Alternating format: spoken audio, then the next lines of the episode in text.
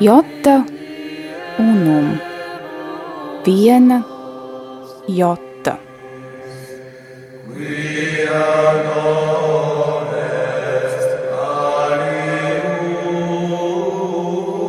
Tradīcija Skaistums, kas paceļas pāri laikam.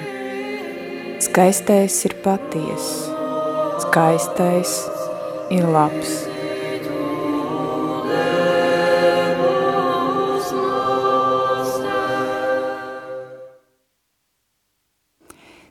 Sveicināti, dārgie rādījuma arī klausītāji!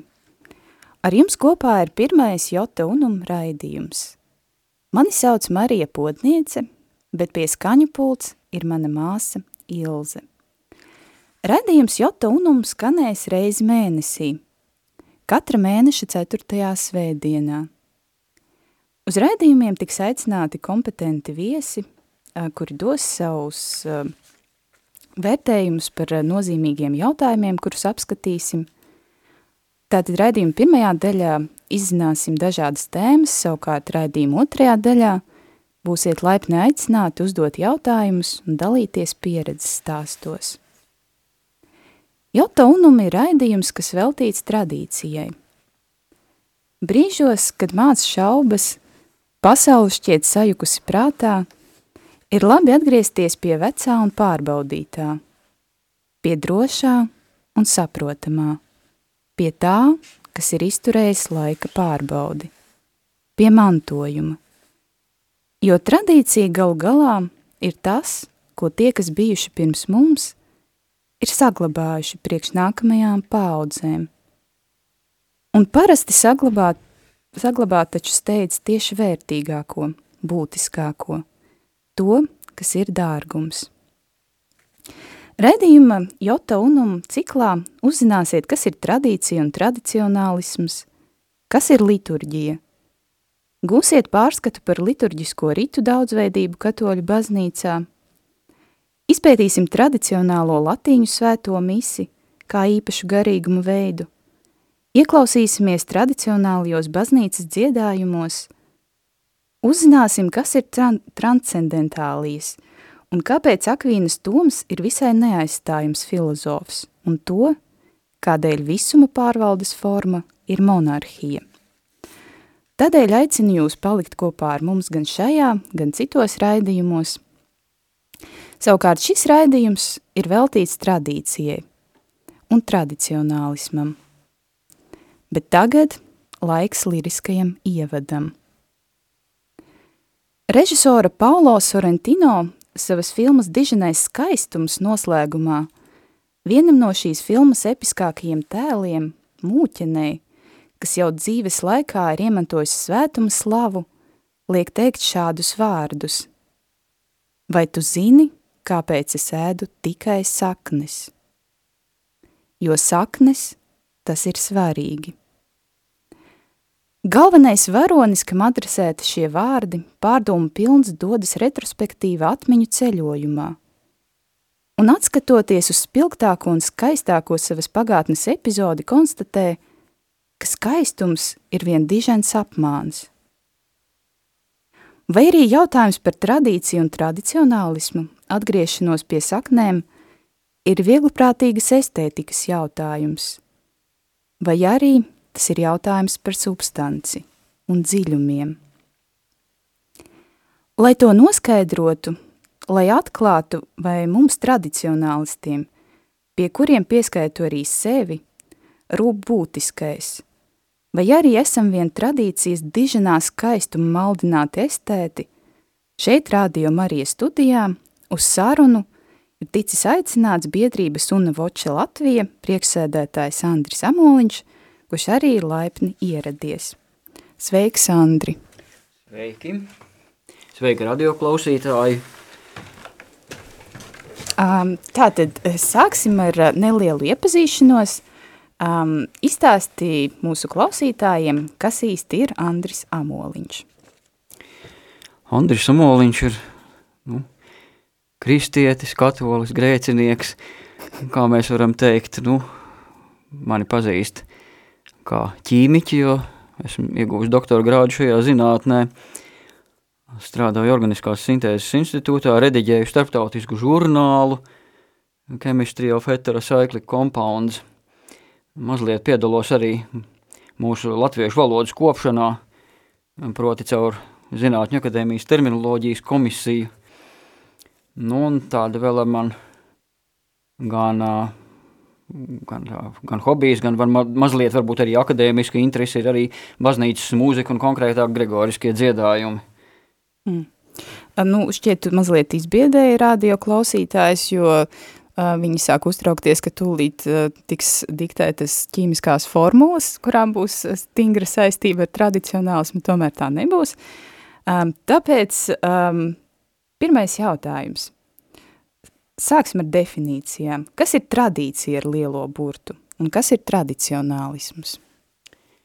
Tradīcija. Nu, tu jau mazliet viņa sākumā pateici, kas tas ir. Tas ir kaut kas, kas ir nodots tālāk un saņemts atkal, un, lai to atkal nodotu vēl tālāk. Tā tas Šim... ir par nepārtrauktību.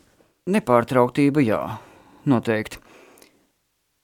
Tradīcija vispār ir tāds jēdziens, kurim ir vairākas nozīmes arī tieši katoliskajā baznīcā.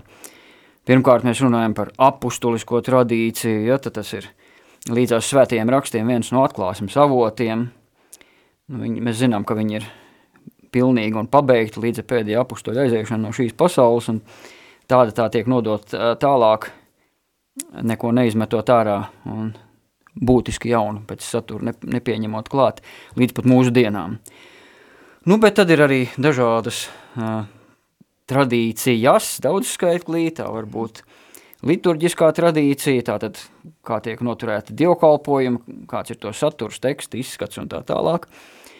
Ir arī nu, mistiskā tradīcija, askētiskā, dažādas teoloģiskās, droši vien var to runāt ļoti daudz par šo lietu, nu ar lielo burtu varbūt, nu pirmkārt apustulisko tradīciju var tā saukt, bet varbūt arī visu šo pārējo tradīciju kopumu, jo tās ir līdzekļi, kā šī apustuliskā tradīcija līdz mūsdienām nonāk, nu līdzās, protams, arī maģistērijiem. Mm -hmm.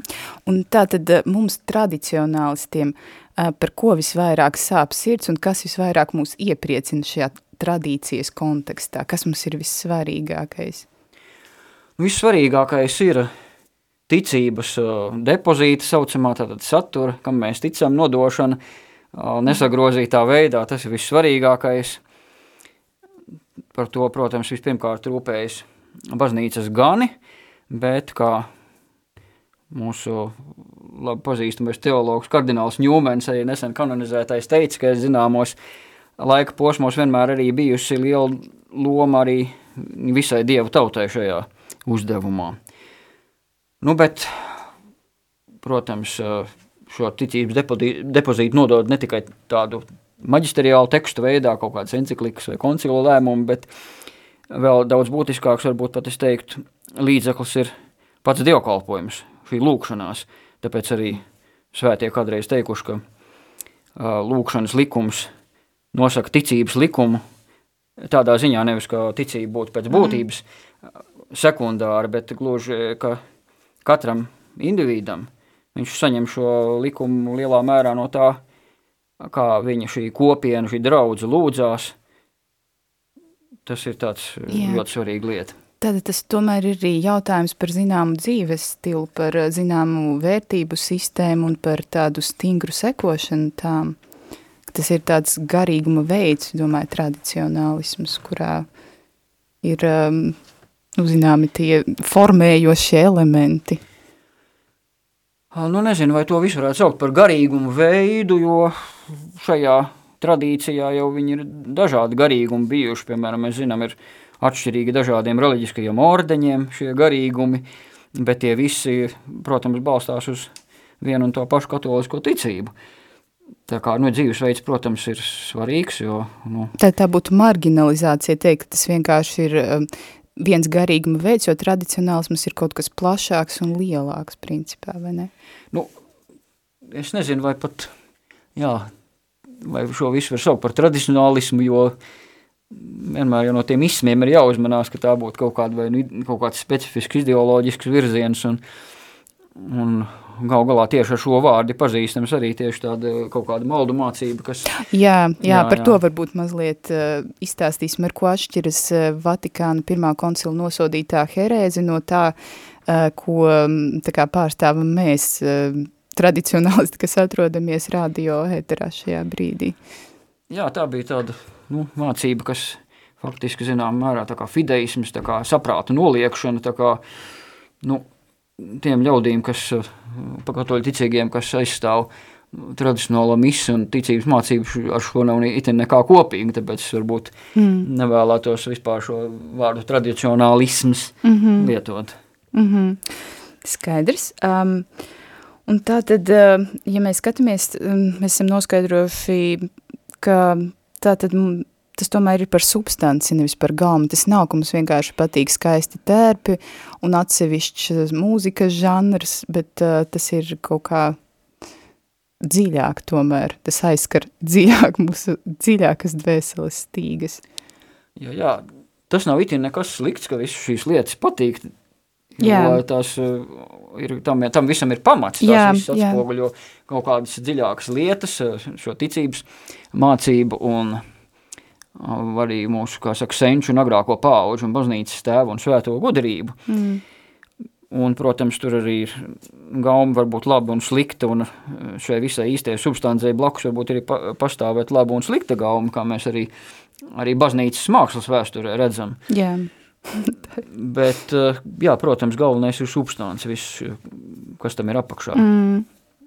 Jā, un tomēr arī, um, kā tas uh, izpaudās uh, raidījuma sākuma džinglā, ka mēs jau nevaram nodalīt uh, skaisto labo un patieso vienu no otra, jo tās ir trīs viena un tā paša dārgakmeņa šķautnes, kas veido vienu un to pašu dārgakmeni, tāpēc, um, tāpēc tas nevarētu būt, um, tāpēc uh, reizē var būt uh, arī gan estētisks, gan arī tāds uh, dvēseles dzīļumu piepildījums. Uh, Um, kā tu atbildētu uz pārmetumiem par to, ka tradicionālisms kaut kādā veidā mēģina ieslodzīt baznīcu, nolikt kā muzeja eksponātu, ielikt mēģinē, pilnā ar formalīnu, mm, lai baznīca neattīstītos, lai viņa būtu tāda sastingusi, kā mūmija, vai tā ir tiesa šiem pārmetumiem, ir kāds tāds pamats? Uh, Nu, es tā nedomāju. Viss, nu, formulīns, kā zināms, ir rinda. Viņa uzdevums ir, lai šeit tur tajā objektā, kurš viņai ir iegremdēts, nekāda dzīvības procesa nenotiktu, bet ar baznīcu jau tā nav, jo visos šajos gandrīz 2000, nu jau faktiski vairāk kā 2000 gados, ko baznīca pastāv, šī ticības mācība iemiesot arī tradicionālajos ritos, ne tikai Romas, bet, protams, arī Bizantijas, mm. koptu un tā tālāk, viņi jau visu laiku ir nodot, un eh, tas ir bijis, kā saka, tas pamats, uz ko arī visa baznīcas radošā darbība, piemēram, mm, evanģelizācija, misija, viņai ir jābūt kaut kādam pamatam, uz kā viņi balstās.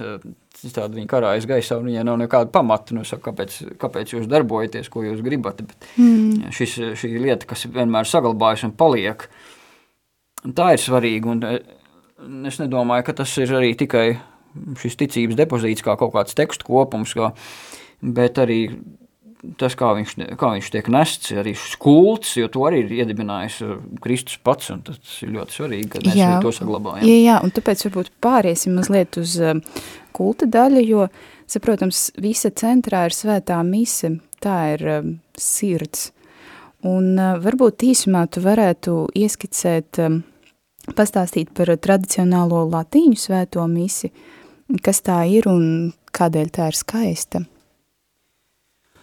Nu, skaista viņa ir tāpēc, ka tajā ir sakopota visu šī kristīgās baznīcas pieredze, sākot no pašiem sākumiem.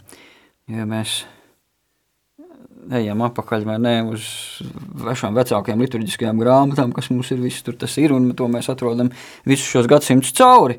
Bet arī, es domāju, jebkurā, teiksim, laikā cilvēks, kā saskaras ar to, viņš tomēr tiek kaut kādā veidā uh, satriekts un fascinēts, un ne jau pat nevienmēr uzreiz pozitīvā nozīmē, ka es pirmo reizi mm. biju tradicionāla latīņu misē, tad pirmais pārsteigums bija, kāpēc tur ir tik maz latīņu valodas. jo tas bija Šveicē un yeah. tieši šajā vāciski runājušā Eiropas daļā, kas ir īpaši Austrijā, bet nu, lielā mērā arī Šveicē ir ļoti daudz šīs uh, Deutsches Hohamt, kā viņš sauc, kur ir priesteris savas daļas lasa latīniski un dzied, mm -hmm. bet pārējā laikā tur tauta dzied vācu baznīcas dziesmas, un tas bija centrāla Eiropā, es domāju, ka daudz kur izplatīts arī Polijā un Latvijā. Jā, jā vai ne, jo tautas dievbības forma tā ir, ka tauta uh, arī piedalās ar saviem dziedājumiem, ko ir sacerējusi, tā kā, vai ne? Jā, un tieši par spīti visam tam, tur varēja redzēt pilnīgi tādu gaisotni un noskaņojumu, kā tiešām cilvēks, viņš ienāk iekšā, viņš nonāk saskarē ar, ar noslēpumu, ja, kur, ko priesteris dara kaut ko tādu, ko nu, viņš neno, ne savā varā un no pats no sevis nevar darīt, ko viņam tikai Dievs var uzticēt.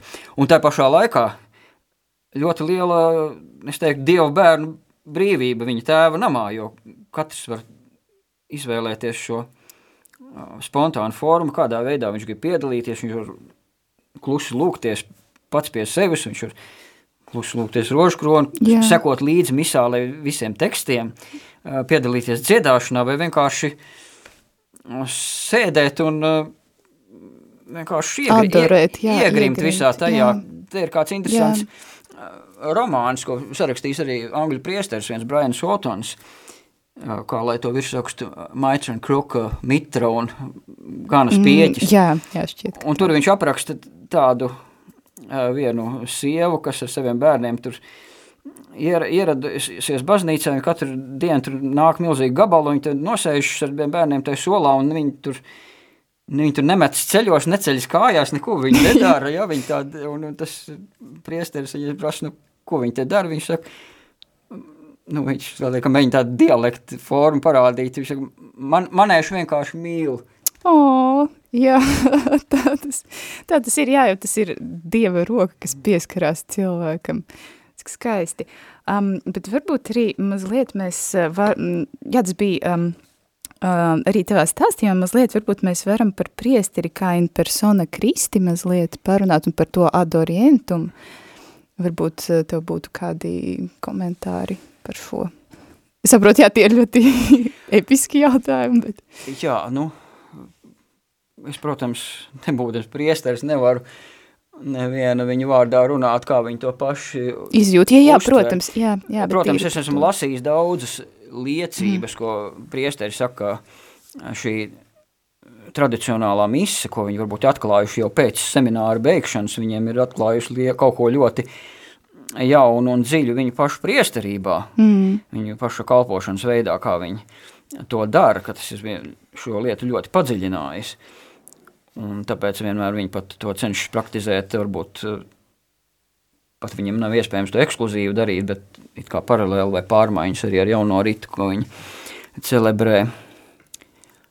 Jā, bet varbūt par to adorientu un par to virzību, par to, ka ir dievs priesteris, tālāk ir tauta, nu, tā kā par to virzību varbūt mazliet. Jā, tas arī ir ļoti svarīgi, es domāju, un tas arī ir iespējams protams, arī jaunajā ritā, un kā mēs vienā otrā Latvijas baznīcā to redzam, bet e, tas ir svarīgi, protams, ka ticīgais un priesteris, viņi ir pagriezti vienā virzienā, viņi, jo viņi lūdzās kopā, un tas priesteris tā kā viņiem ir šajā svētajā vietā iegājis pa priekšu, un viņi tur, kā saka, aiz viņa tā teikt, viņa aizmugure stiprā, Jā. varbūt arī savā ziņā pievienojas šim viņa upuru un šī, šai viņa lūkšanai. Ja, tātad tajā brīdī, kad priesteris lūdzās, viņš nelasa lekciju, nelasa sprediķi, viņš vēršas pie Dieva un vispārējā draudz, kas aiz viņa arī tāpat. Bet jā, protams... Jā, tas parāda to hierarhisko kārtību un tādu virzību, jā. Man tas arī personīgi ir um, tāds ļoti iedvesmojošs moments. Un, nu, man liekas, jā, tas ir pareizi, kad es to redzu. Tā tam ir jābūt. Nu, es, man tradicionāls tas sirds tajos brīžos uh, līksmo. Labi, tad um, Kad varbūt klausītāji dzirdot mūsu domu apmaiņu par šo jautājumu, vēlas arī piedalīties tradicionālajā svētajā misē un kad viņiem būtu ātrākā iespēja tikt šajā misē, jo es saprotu, ka viņiem tā varētu būt pat rītdien. Jā, ātrākā iespēja ir rīt, jā, piemēram, uh, Ogrē. Ogres svētā Meinarda draudzes baznīcā, tā notiek uh, katru mēnešu 4. svētdienā, pulksten 12. Baznīca ir tuvu stacija, atbrauc ar vilcienu vai ar autobusu, tad no tās pieturas var torni redzēt, tā kā jāiet uz turieni tikai. Pulkstens 12. Pulkstens vai ne? Pulkstens 12. 12. Un um, tad uh, tur arī skanēs, saprotu, gregoriāniskie dziedājumi um, misas laikā, vai ne? Jā, ir tā, tā vienība, vai ansamblis kā skola Sankti Meinardī, un tur, jā, tiek izdziedāti visi katrajā misē nepieciešamie gregoriskie dziedājumi, nu, tā kā šie dziedājumi sastāv no daļām, kas ir atkārtojas katrā misē, un citām, kas ir katrā svētdienā savi, tad tos, kas atkārtojas, Protams, ka, ja nāk regulāri, tad ātri iegaumēt un dziedāt līdzi, un arī liekas notis tur ir pieejams, tā kā jā, dziedamā rīkla ļoti jā, jā. ir aicināts jā. to darīt. Kā liecinieks varu um, visus aicināt piedalīties un uh, gandrīz vai garantēt, ka jūs sajutīsieties kā debesu valstībā, pateicoties dziedājumiem kaut vai tikai. Um, Un tad varbūt arī um, cilvēkiem var rasties jautājums, bet uh, vai man ir jēga nākt, ja es nesaprotu latīņu valodu, kā es varēšu izsekot līdzi, kas tur notiek, man ir svarīgi saprast, kurā daļā notiek uh, upurēšana, nu tā kā euharistiskais upuris, un ja nu es to palaidīšu garām un nesapratīšu, kurā brīdī tas notiek. Palaist garām ir grūti, jo ministrants ir tā skaļa zvana ar zvaniem okay. tajā brīdī. Bet, protams, ir arī um, tādas, jā, tādas skaistas jā. zaļas grāmatiņas, kurās ir um, teksti, nemainīgie teksti latīņu un la, latviešu valodā paralēli, tā kā var sekot līdzi, un mm -hmm. arī ir mhm. uh, lasījuma teksti. Aktuālie vai ne? Jā, jā, jā katrā lapiņas, misē, katrā jā. misē jā, nu pagaidām latviešu valodā nav izdota pilna šī visam liturģiskam gadam tāda grāmata, tāpēc jāiz līdzās ar šādām izdrukām, bet, nu, visam savs laiks. Uh, Bet katrā ziņā, un, protams, sprediķi domājams, ka priesteris arī šos tekstus apspriedīs. Jā, jā, noteikti priesteris arī sprediķi neteiks latīņu valodā, tā ka uzzināt, eh, ko esam darījuši slikti un labi un uz ko ir jātiecas un no kā ir jāizvērās, tas tiks stāstīts mūsu mēlē, tā ka par to nav jāuztrauc. Tad varbūt eh, tieši sievietēm radīsies, nu, zināmas bažas, varbūt ir kaut kāds īpašais ģērbšanās stils, varbūt tur tā, mm, nezinu, ir jāiegādājas kāds eh, īpaši kupls garš lakats vai arī garus lindrakus īpaši, nu, tas var aizkavēt kādu no klausītājiem ierasties rītdien nogrē pulkstens 12. Nu, es domāju, ka... Cilvēki, no baznīcas nav neviens īsti. nu, cilvēkiem ir nu, tāds, viņam, ka veselais saprāts, kā, kā viņi varētu ģērbties, nu, ir taču tāds teiciens izējamā kārta, nu, ja viņš, teiksim, grib iet uz kādu svinīgu pasākumu vai koncertu vai pieņemšanu pie augstas amatpersonas, tad, nu, uz pieņemšanu pie Kristus, tad jau arī droši nu, vien nu, jā, jā. nemazāk, kas notiecas uz galvas sagām. Mēs, protams, visi zinām, ko apustols Pāvils ir rakstījis, bet Oh, bet tas bija sen, vai ne? bet baznīcas likums pašlaik neko specifisku nesaka par to. Jā, jā. Bet, nu jā, ir daudz, kā esmu ievērojis, daudzām daļā dzimuma pārstāvēm ir tiešām paradums kaut kādu um, galvas segu valkāt, kā, bet tas ir, es domāju, ka ir brīvprātīgi jā, jā, no katra jā, jā. Izjū, izjūtas un Mm. Nē, nē, es varu liecināt, nav nekāda apsarga pie durvīm, netiek pārbaudīts, kā kurš ir ģēbies. Bet, protams, manuprāt, ir skaisti arī, nu, tas attiecas uz jebkuru svēto misi, protams, kā arī Andris pirms tam teica, ka tomēr apģērbties savās labākajās goda drēbēs, nu, to prasa vienkārši katra cilvēka sirdsapziņa un dabiskā gaumes izjūta. Labi, tad varbūt, kā es sākumā minēju, ka tu esi Una Voče Latvijā priekšsēdētājs, Un uh, varbūt mazliet uh, pastāsti, kas īsti ir šī noslēpumaina organizācija, un varbūt vispirms uh, iztulkosim priekš klausītājiem, ko tas nozīmē UNA Voče, tāpēc, ka, nu, mēs te... Tas ir latīņu valodā? Tas ir latīņu jā? valodā, droši Latvijā, tajā izrunā, ko lieto Latvijā, viņš droši vien skanētu una voce. Oh, nu, lūk, latīņu valodā. Tajā, jā, jā, mūsu priesteri tādu teiktu. Jā, labi. Tas, Bet- tas bija itāliskais variants, es saprotu. Itāliski, angliskais variants. jā, jā.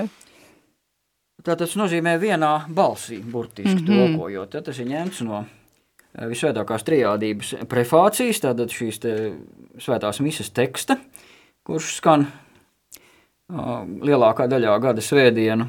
Un tur tas, tas teksts ir, ka mēs kopā ar visiem eņģeļiem un debesu pulkiem vienotā balsī, uh, jā, tiešām vie- vienotā balsī vai vienā balsī burtiski tulkojot sakām, un tad mm. -hmm. seko sanktu, svēts, svēts, svēts.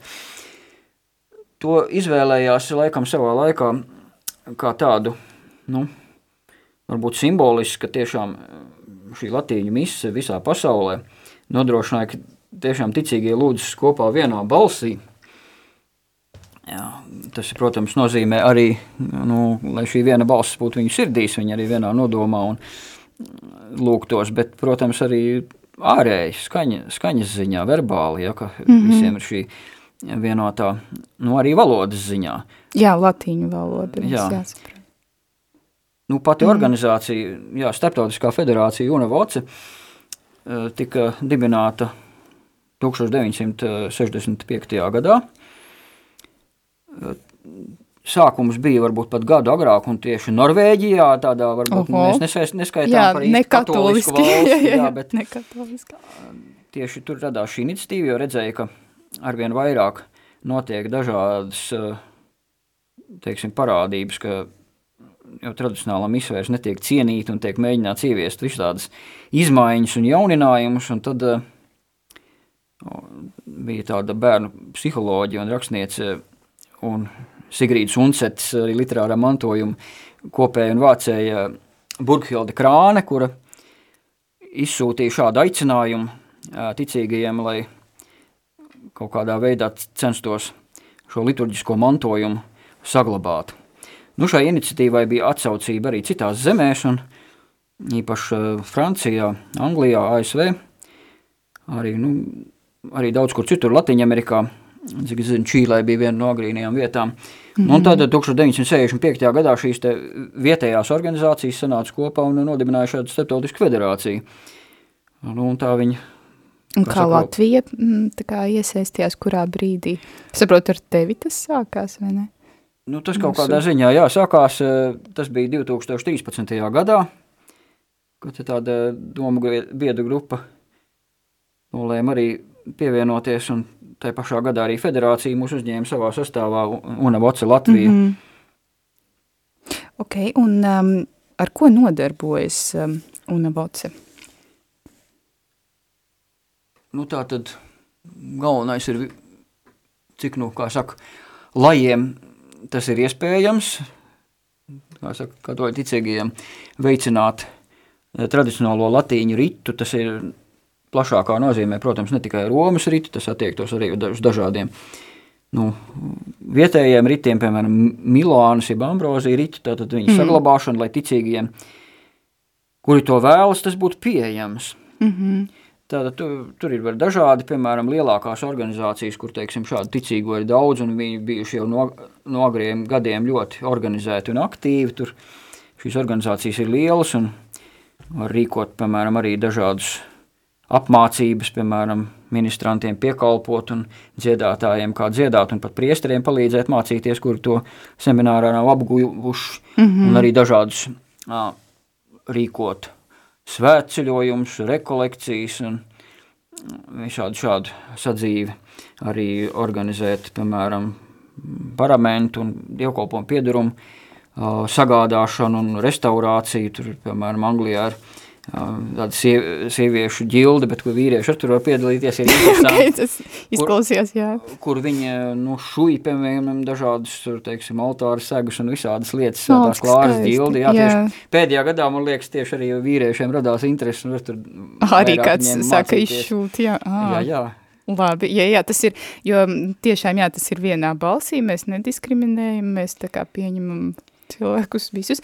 Un globālā mērogā, kā federācija kopā, tur vairāk bijis tieši tāds lobēšanas darbs pie svētā krēsla, šo ticīgo interesēs. Mm -hmm. Tā kā pirmais šīs federācijas prezidents bija Eriks von Saventens, viņš kopā ar savu kundzi bija tiešām ļoti bieži braukāju uz Romu un tā teikt, kritu uz nerviem visiem prelātiem un tā teikt, lai, lai šo lietu vienmēr celt viņiem priekšā. Un, nu, es domāju, ka arī Mm. Nu jā, tad mēs, jā, ja mēs šeit redzam, ka tas ir tomēr pašu ticīgo intereses, ka tas ir nevis kādu intelektuāļu tā kā vēlmes, bet tas ir tieši tautas un lāju pašorganizēšanās, kā var redzēt šos piemēros.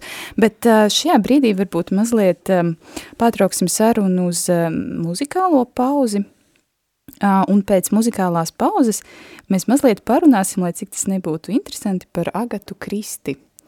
Un tagad muzikālā pauze Kristus dvēsele.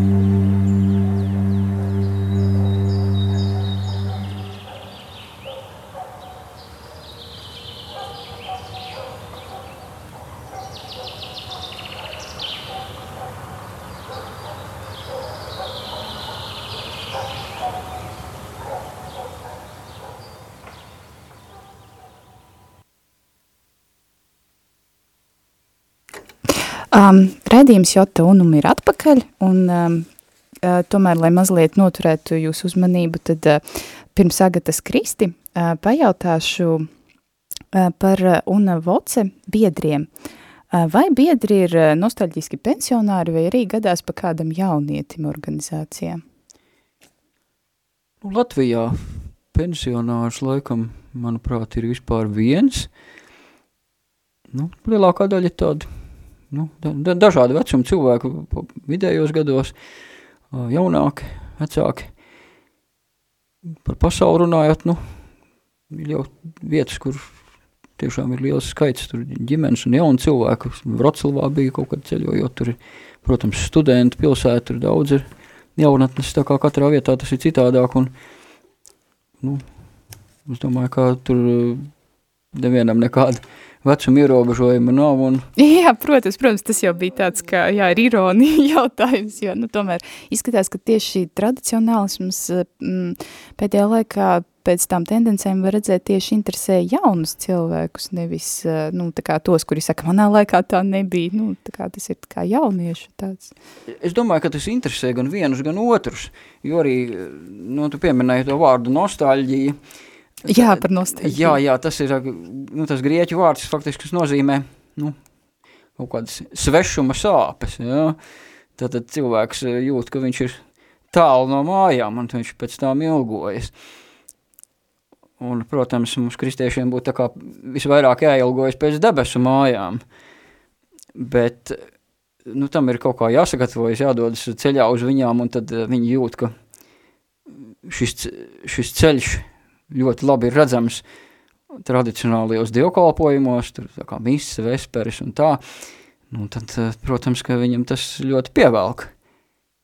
Jo, nu, viņš tur acīm redzot redz kaut kādu tādu uzplaiksnījumu vai kādu tādu taboru kalnu pārdzīvojumu, ka, lūk, viņš redz šo nākamo godību, kur, uz kuru viņam jātiec. Jā, tieši tā, tu ļoti precīzi īstenībā raksturoji manas sajūtas uh, um, attiecībā uz to, kāpēc es sevi uzskatu par tradicionālistu un, un kāpēc um, man tas ir svarīgi. Jā, un kā arī um, uh, klausītājiem solīju, uh, parunāsim par Agatu Kristi, kāds ir Agatas Kristi un tradicionālisma tradīcijas un tradicionālās svētās mises konteksts, varbūt mazliet arī pastāstīts. Jā, interesanti gan. Uh, Agata Kristī, nu, mēs zinām, angļu rakstniece. Jā, viņas de, darbus šķiet ir lasījusi katrs otrais. Vai? Detektīvi romāni, jā. jā, un dažādi tādi vēl citi pamācoši darbi. Nu jā, tas notika tātad arī šajā laikā un Oca dibināšanas apmēram gados, 1967. gadā. 6. jūlijā angļu vadošais laikraksts The Times – publicēja pāvestam Pāvilam VI adresētu atklātu vēstuli, kurā lūd, tika lūgts saglabāt tradicionālo Romas ritu. Varbūt var nocitēt vienu. Jā, noteikti, no noteikti. Jā, jā, jā, jā, es domāju. Ja kāds ar neprātīgu rīkojumu pavēlētu daļēji vai pilnīgi sagrautu bazilikas vai katedrāles, tad tie bez šaubām būtu izglītotie cilvēki, lai kādi būtu viņa personiskie uzskati, kuri šausmās reaģētu, lai pretotos šādai iespējai. Bet bazilikas un katedrāles bija celtas, lai noturētu dievkalpojumus ritā, kurš vēl pirms dažiem mēnešiem bija dzīva tradīcija. Mēs šeit domājam Romas katoļu misi, tomēr saskaņā ar pēdējām ziņām no Romas pastāv plāns izbeigt šo misi līdz šā gada beigām. Vai? Teksts bija garāks, bet yeah.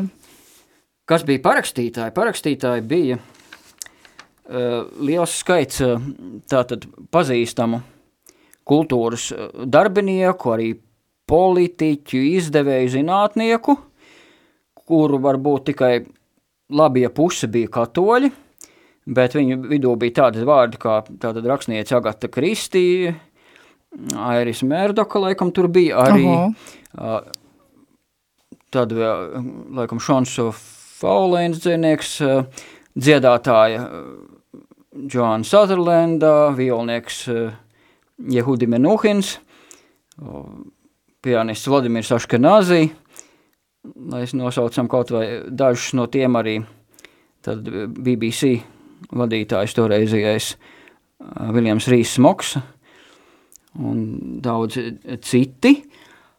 Un tā tad, kā redzam, šeit bija tātad ne tikai katoļi, bet arī anglikāņi, jā, kā piemēram pati Agata Kristī, pareisticīgie kā Vladimirs Aškenazī vai jūdaisti kā Jehudi Menuhins.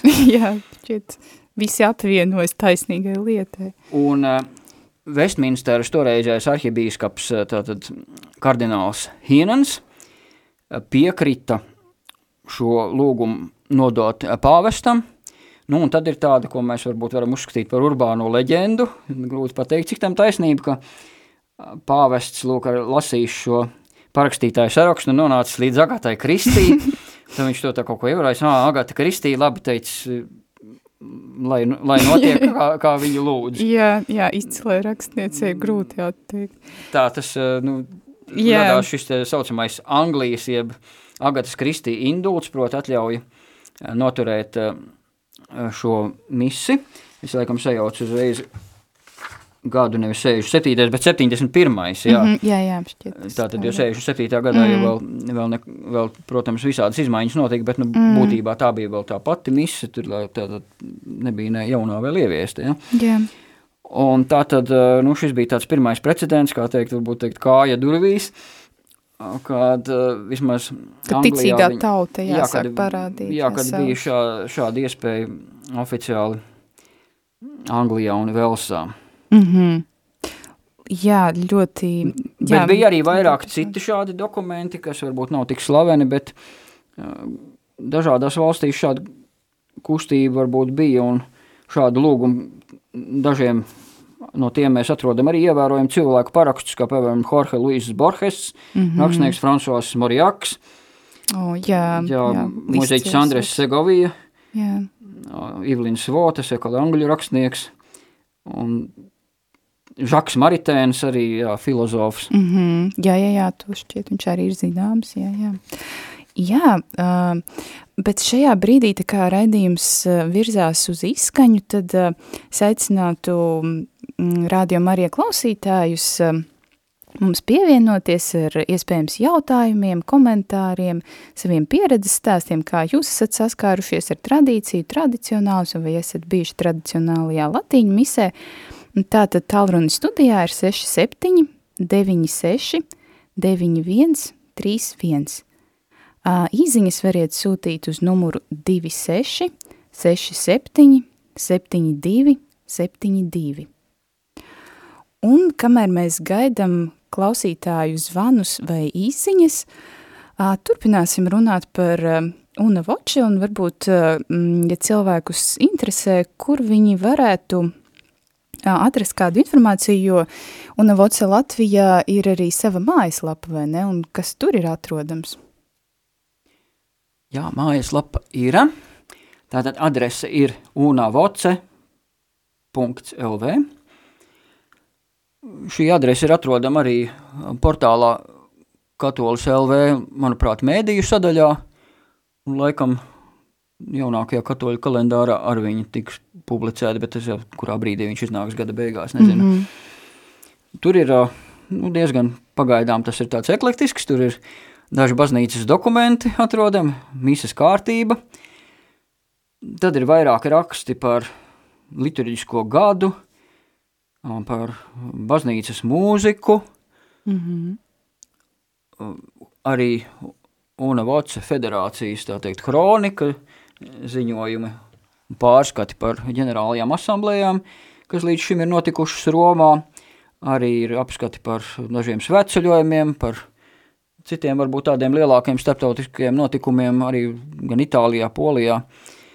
Nu, un tad ir arī šīs uh, svētās mises, tiek izziņots, kas notiek ogrē, un katrai klāt ir tāds varbūt komentārs, informācija mazliet par to, kas ir dievkalpojuma tekstos, varbūt kādas, kādi autoritatīvi komentāri lasījumiem, piemēram, mm -hmm. no mhm. svētiem rakstiem, no Romas brevi, breviāra, nu, arī no, raksti, kas varbūt nav tieši saistīti ar liturģiju, bet varbūt vispār katoļiem varētu interesēt, tur arī no filozofijas, varbūt katoļu sociālās mācības mm -hmm. dažiem aspektiem. Jā, tātad katrs var atrast ko interesantu.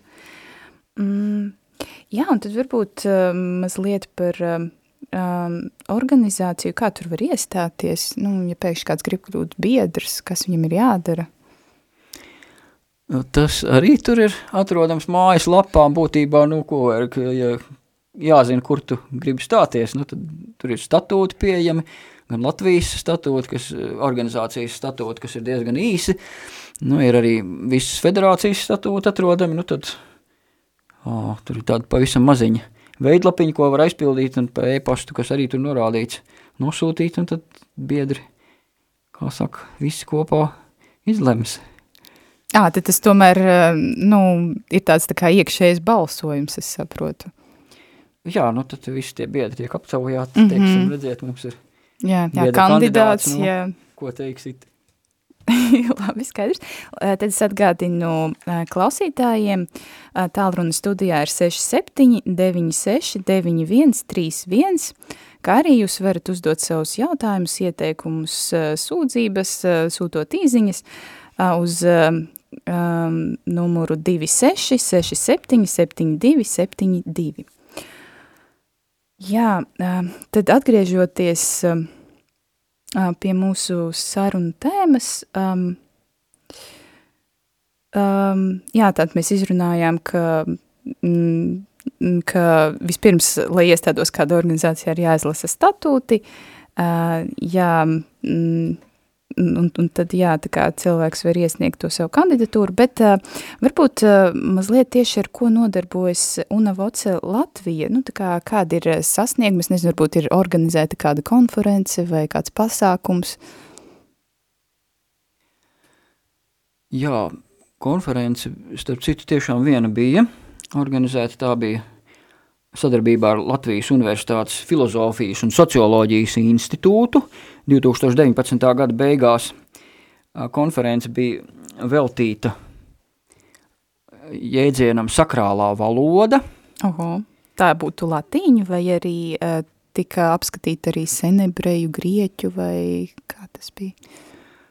Nu, lielākoties jau lieta grozījās viss ap latīņu valodu, bet, protams, bija uh, šī atziņa svarīga, ka tā ir tāda varbūt socioloģiska vai kulturāla universālija, ka uh, cilvēkiem ir tieksme veidot šādu sakrālu valodu, un tas pat uh, nav tikai katolicismam, bet dažādos ritos, protams, tā ir latīņu, tā varbūt uh, koptu, senarmēņu, gēs, piemēram, etiopiešiem, uh, Baznīcas slāva, jā, šeit bija tieši mūsu mm, sociologi, kas Latvijā pēta arī, piemēram, vecticībnieku tradīciju un pareizticīgo, tā kā par šo arī bija referāti interesanti, par to, kā īstenībā arī krievu valodas dažādi, teiksim, varianti, piemēram, vecticībnieku vidū ir kļuvuši par tādu kā sakrālās valodas ekvivalentu.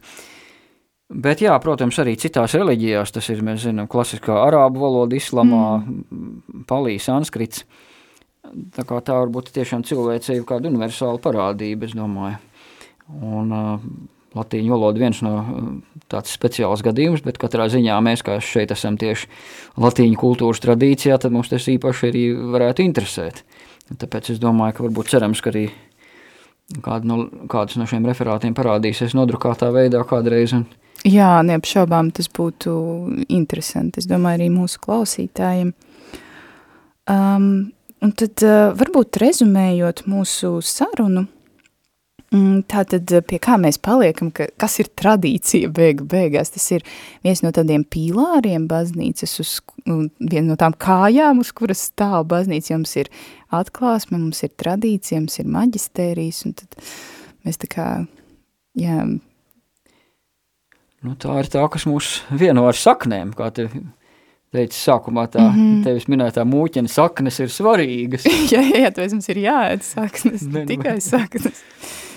jā, jā, tas ir, nu, vienkārši bez tās jau īsti nevar pastāvēt, jo citādi mēs atraujamies. Jā. Tad tā kļūst par tādu viendienīgu reliģiju, kurai nav pamat, nu mēs uz, uz kā mēs, uz kā mēs balstāmies. Mums mm -hmm. jābūt, jābūt šeit, es, es gribētu pieminēt, piemēram, kādreiz bija populārs tieši atmodas laikā. Čingizait Matovu romāns garāk par mūžu diena ilgs. Ah, jā, jā. Tur ir tāds tēls Mankurts, jā. Jā, jā, jā, jā šis Viņam tiek tēls šāda vardarbība, viņam tiek atņemta atmiņa, un tad viņš vēršās pat pret savu māti.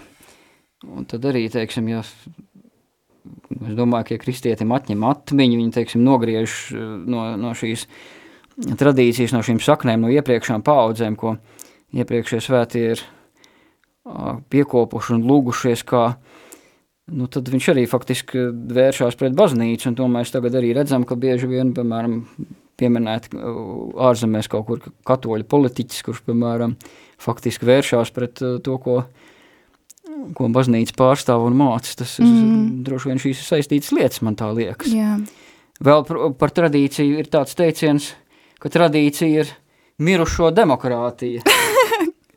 jo vairākums tur vienmēr ir tiem, kas ir bijuši pirms mums. jā. Ja svētie, kā Jā, arī kardināls. Atsingars teica, jā, baznīcā vairākums, vairākums Jā, jā patiesi pēc statistikas, jā, tā varētu būt. Tātad mēs beigu beigās varam palikt pie tā, ka principā tradicionālists ir tas, kurš atcerās, vai ne? Ah, jā, tā varētu teikt. Tas būtu vien, viena no Labi, tad, definīcijām. tad varbūt ar to mēs eh, šo sarunu varam beigt, ar to, ka teikt radio klausītājiem un apliecināt, mēs esam tie, kuri atcerās un kuri atcerēsies. Paldies tev par sarunu, Andri. Bija prieks tevi dzirdēt, un eh, visdrīzāk aicināsim tevi atkal, jo, manuprāt, bija ļoti informatīvi un uzzinājām daudz ko jaunu. Paldies tev! Paldies, ka uzaicināji. Jā, tad Ar noteikti labvakaru. tiksimies. Um, bet uh, tikmēr mm, es vēlētos pirms uh, raidījums izskan tādu nelielu reklāmas pauzi, uh, kā jau jūs uh, noteikti esiet dzirdējuši, dārgie radio klausītāji, uh, tad uh, ir tāda aktualitāte, kā, um, kā katram labas gribas cilvēkam um, raidījums Joto Unum aicina um, parakstīties uh, par um, tradicionālās ģimenes jēdzienu nostiprināšanu satversmē. Nu, kā jau jūs visi ziniet, uh, satversmē ir skaidri definēts, ka laulība ir starp vīrieti un sievieti, kā arī civila likums skaidri nosaka, ka laulība starp viena dzimuma personām nav atļauta. Tomēr noticis kliedzošs gadījums satversmes tiesa pagājušā gada beigās, balstoties uz dažādiem tendencioziem un mani manipulatīviem apsvērumiem, lēma, ka par ģimeni uzskatām arī homoseksuāla savienība. Un tādā veidā satversmes tiesa ir skaidri pārkāpusi savas pilnvaras un ņemot vērā to, ka tomēr eh, mums šeit ir demokrātija un ka likumdevējs ir tauta un mēs esam šīs tautas pārstāvji. Un um, tādēļ mm, par laimi ir eh, aktīva organizācija Latvijas vīru biedrība, kas ir ierosinājuši šo parakstu vākšanu un ierosinājusi nostiprināt ģimenes jēdzienus atversmē, un tā kā katolim ir pienākums būt sabiedriski aktīvam, um, tad uh, es aicinu visus uh, izdarīt šo gan pilsonisko, gan katolisko pienākumu un parakstīties, un to var izdarīt elektroniski interneta vietnē latvija.lv slīpsvītra PV. Šis PV ir saīsinājums no parakstu vākšana, tātad vēlreiz elektroniski jūs esat aicināti parakstīties interneta vietnē latvija.lv slīpsvītra PV. Kā arī ir iespēja parakstīties pie zvērinātiem notāriem vai parakstīšanās vietās pašvaldībā. Ja jūs interesē mazliet plašāk iepazīties ar šo jautājumu, jūs, saprotams, parakstu nevajag likt, tad, ja jūs nezināt, par ko parakstīties, tad uh, mūsu asociācijas UNAVOCE mājaslapā unavoce.lv ir pieejams analītisks raksts par šo satversmes tiesas spriedumu cilvēka cieņas kontekstā. Aicinu ar to iepazīties klausītājs, ja ir kādas šaubas vai likt to parakstu vai nē, bet aicinu iepazīties un aicinu izrādīt pilsonisko tādu pozīciju, un tas, manuprāt, ir mūsu kā kristiešu, kā katoļu pienākums. Kā arī, protams, vēlreiz atgādinu, lūdzu, ieplānojiet, ja ir tāda iespēja piedalīties svētajā misē, rītdien ogrē, pulkstens 12. Tas būs ļoti skaisti, un noteikti jūs to nenožēlosiet, bet, diemžēl, misi notiek reizi mēnesī, un ja nesanāk šajā mēnesī, tad var ieplānot arī nākamā mēneša 4. svētdienu, kad pulkstens 12. ogrē būs iespēja piedalīties svētajā misē. Tāpat noslēdzot raidījumu vēlos pateikties visiem, kas atbalsties savās lūkšanās, kā arī nākam, informēt, ka nākamajā raidījumā mēs runāsim par to, kas ir liturģija, uzzināsim, kas ir mysterium tremendum un kā cienīgi piedalīties svētajā misē. Paldies jums!